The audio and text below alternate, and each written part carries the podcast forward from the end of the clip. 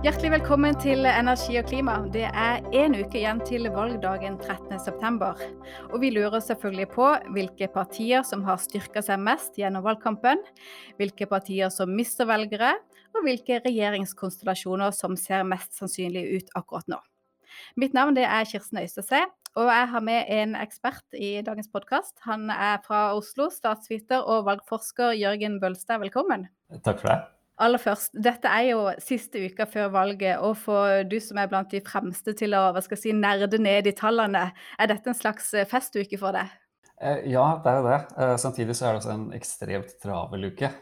Så i dag løper jeg på en måte fra studio til studio. Jeg starta hos TV 2, så jeg har vært innom NRK, og så er jeg hos dere nå. Og det er vi veldig glad for at du tok deg tid til.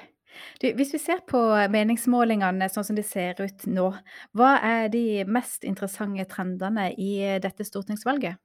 Altså de, de, mest interessante tingene som har skjedd, er egentlig for det første Senterpartiets fall. Altså de, de falt jo veldig drastisk i løpet av august.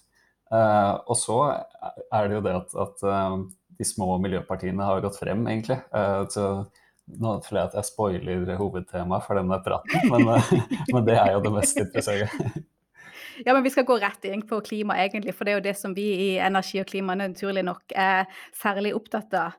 Og hvilken betydning har det hatt at det har vært snakka og skrevet så mye om klima og klimapolitikk i valgkampen? Og hvis vi ser konkret på hvilke partier har fått økt oppslutning, og hvilke partier har mista velgere som følge av at eh, klima har vært på dagsorden?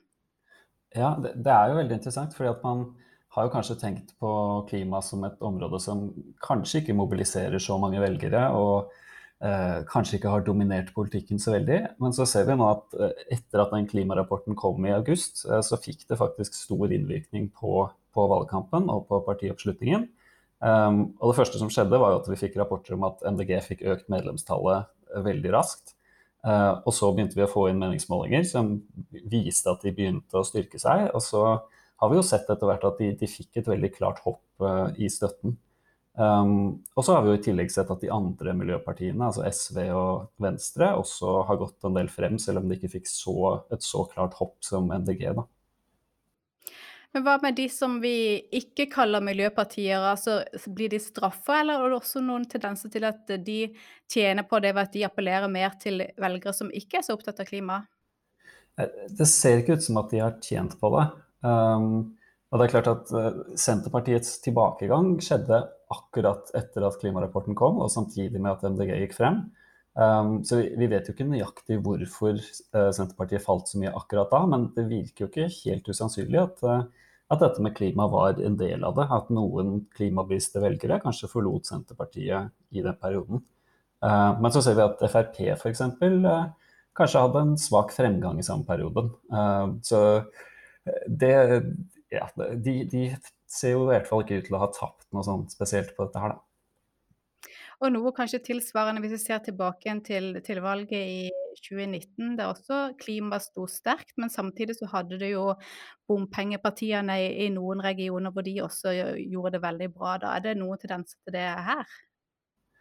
Um, ja, altså, valg, valget nå minner jo litt om 2017, i den forstand at MDG nok en gang gjør det veldig godt. Uh, mens bompengepartiet har på en måte forsvunnet helt ut.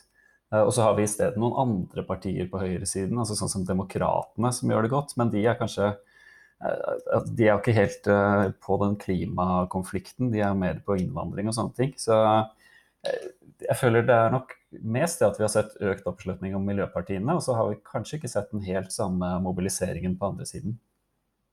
Hvis vi ser på, på regioner, står klimasaken eh, likt i, på Sørlandet og på Østlandet og Vestlandet og i, i nord, eller er det ulike tendenser? Eh, altså det enkleste er jo kanskje å se på MDG sin støtte. De er på en måte de som har mest sakseierskap til eh, klima og miljø. Og det er klart, de er jo egentlig et urbant uh, fenomen. Uh, de står sterkt blant unge urbane velgere i de største byene. Um, så hvis vi skal ta utgangspunkt i det, så kan du si at klimasaken kanskje mobiliserer mest i de store byene. Er det noen forklaring på det? Altså, miljøsaken er jo som sagt da, en sak som mobiliserer unge velgere, bl.a. Um, altså, yngre velgere stemmer gjerne litt mer radikalt og litt mer miljøorientert. miljøorientert. Og de yngre velgerne er også konsentrert i de store byene, så det er, sånn, det er nok litt sammenheng her. Men så kan det nok også være en, at det er litt annet, litt annet fokus og litt andre verdier blant de som bor i byen. Regjeringa la jo nylig fram relativt brått og uventa et forslag til en eh, ny eh, innretning på oljeskatten, og vi vet ikke helt alle detaljer i den. Men kan du se noen effekt av, av dette i, i meningsmålingene? Jeg tror det er for tidlig å se effekten av det i meningsmålingene. Det, det kan hende at vi får se denne uka. Hvis vi får inn noen målinger nå, så kan vi kanskje begynne å se om det har hatt noe å si. Men det er jo liksom at når vi snakker om Eh, hvorvidt det har hatt betydning at det har blitt et klimafokus i valgkampen, så er det klart at det at, at den endringen ble lagt fram nå midt i valgkampen, og, og måten det ble lagt frem på, som en miljøseier, eller som at nå beveger regjeringen seg i en mer eh, slags miljøvennlig retning, det er klart at det eh, er jo naturlig å se det som et svar på det at valgkampen har dreid seg om klima. Så det illustrerer jo kanskje at, at den generelle ordskiftet dras i retning av en mer Eh, klima- og miljøorientert retning. Da. Men vi må ta for oss eh, hvordan det ser ut akkurat nå. Og hvis du, hvis du, tar for deg parti for parti, hvor stor oppslutning ligger de ulike partiene an til å få?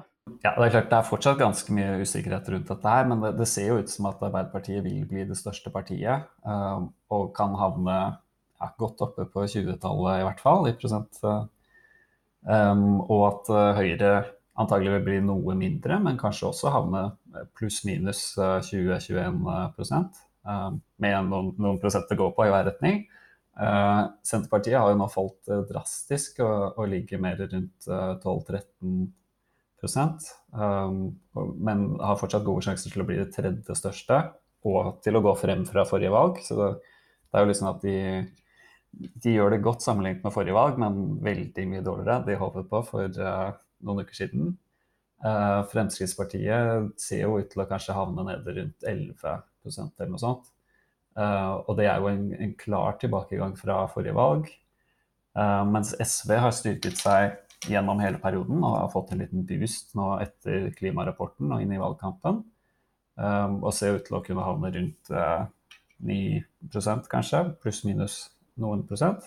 Um, ja, og så, så, har vi alle småpartiene, og det er der det på en måte er kanskje størst spenning nå, med hvem som kan komme over sperregrensen. Uh, og det er jo interessant at egentlig alle de små partiene har hevet seg enten i løpet av sommeren, sånn som med Rødt, eller uh, inn i valgkampen, som med de tre andre. Um, sånn at nå egentlig alle unntatt KrF ser ut til å ligge ganske godt an. Uh, I hvert fall sånn i form av å ha en god sjanse til å komme over sperregrensen. Uh, og også KrF har jo hevet seg, og jeg gir de nå rundt 33 sjanse for å komme over sperregrensen. Um, så eh, Rødt og, og, MDG har jo mulighet til å bli historiske her ved å komme over sperregrensen for første gang. Venstre ser ut til å ha reddet seg inn, sånn at de kan holde seg over nok en gang. Og KrF må fortsatt krysse fingrene litt og, og håpe at de kan få den innspurten de trenger.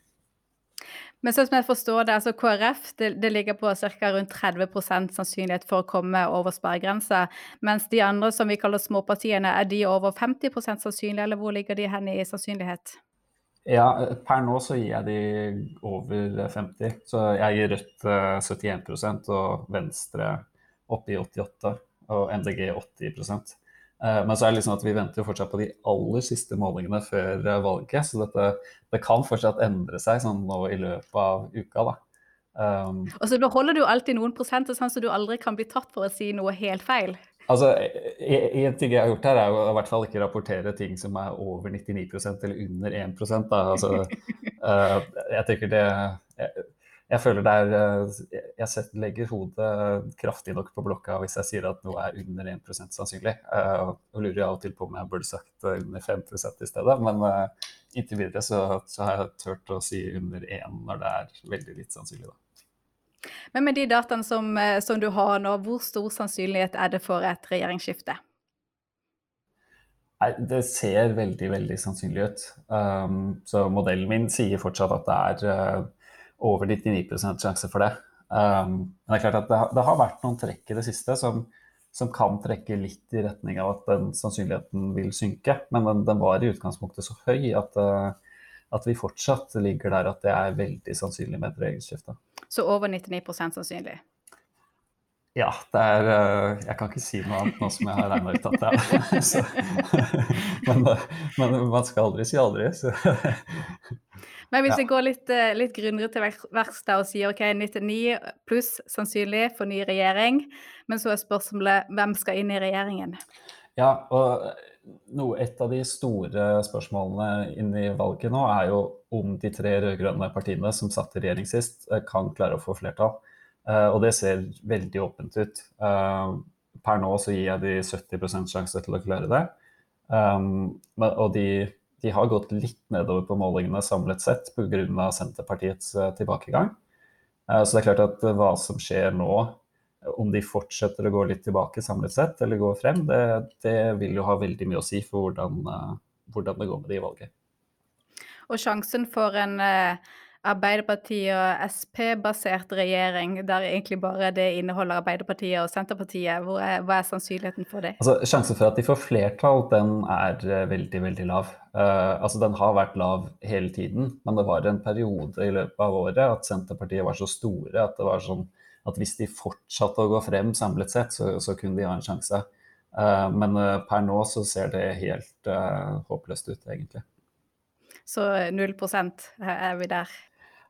Ja, jeg kaller det under igjen, men det er eh, Den er lav, ja. Du, eh, partiene de kan jo sette inn en sluttspurt, og de har en uke på seg. Hvis vi baserer oss på historikk, hvor mye har et parti klart å forbedre seg i løpet av siste uka før et valg? Eh, jeg har egentlig ikke studert siste uka, men jeg har bl.a. sett på hvordan støtten til blokkene har endret seg fra august og frem til valget. Uh, og det største jeg finner da, for de valgene jeg har data fra, som er fra 1985, det er at man har hatt sånn 6-7 uh, prosentpoeng endring i blokkstørrelsene. Um, og så var det sånn at Da vi gikk inn i valgkampen, så var forskjellen mellom blokkene større enn det. Uh, så man måtte på en måte fått en veldig stor endring, antagelig, da, for, å, for, at det ikke skulle bli en, et regjeringsskifte. Um, og så, så, har jo de borgerlige gått litt frem inn i valgkampen, og både Venstre og KrF har hevet seg litt, sånn at de måte, har økt sjansene sine litt. Men um, nå begynner det å bli veldig lite tid igjen også, så det er klart at uh, det ser ut som det er litt mye å skulle hente inn på den lille uka som er igjen. da. Du var litt inne på det, men bare for å, for å se litt nærmere på det. altså Hvilke partier ligger an til å gjøre det, gjøres et historisk valg for, for deres del? Eh, altså Rødt og MDG kan komme over sperregrensen for første gang. Og det vil jo være historisk eh, for de. Da vil de få langt flere stortingsrepresentanter enn det de har hatt eh, noen gang før. Um, eh, KrF risikerer å gjøre et historisk valg på den negative måten. Altså å havne under 4% for første gang siden 1945. Um, og dermed miste de aller fleste mandatene sine. Um, og KrF har vært i en litt sånn nedadgående trend i, i, 20 år, og de sliter litt med å hente inn nye velgere. Så hvis de skulle havne under nå, så ser det ganske tungt ut for, for KrF fremover.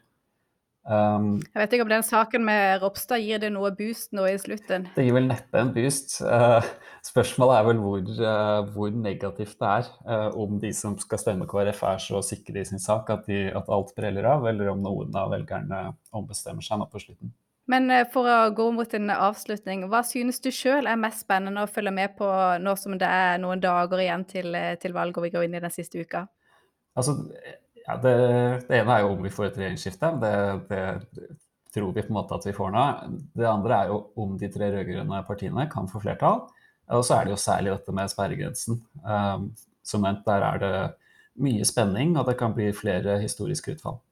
Ja, hva betyr det for Norge at vi kan få såpass mange Altså vi, vi kan få flere partier enn vi noen gang har hatt i, i Stortinget? Altså det, det, gir jo kanskje en mer ustabil politikk. La oss si at de tre rød-grønne nå ikke får flertall alene, og så må de lene seg på MDG eller Rødt. Um, da blir det da blir det forhandlinger, og det blir samarbeidsavtaler, og det blir uh, partier på utsiden av regjeringen som kanskje er misfornøyde, og det kan være partier på innsiden av regjeringen som er misfornøyde. Så det, det, kan jo bli litt sånn som vi har sett de siste åtte årene. altså At partier går inn og ut og krangler innad i regjeringen osv. Så, videre. så det at vi får flere partier som kommer over 4% og som får en viss makt, det kan gi en litt mer ustabil uh, situasjon. Da.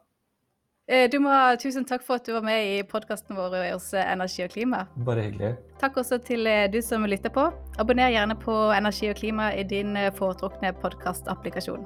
Takk for i dag.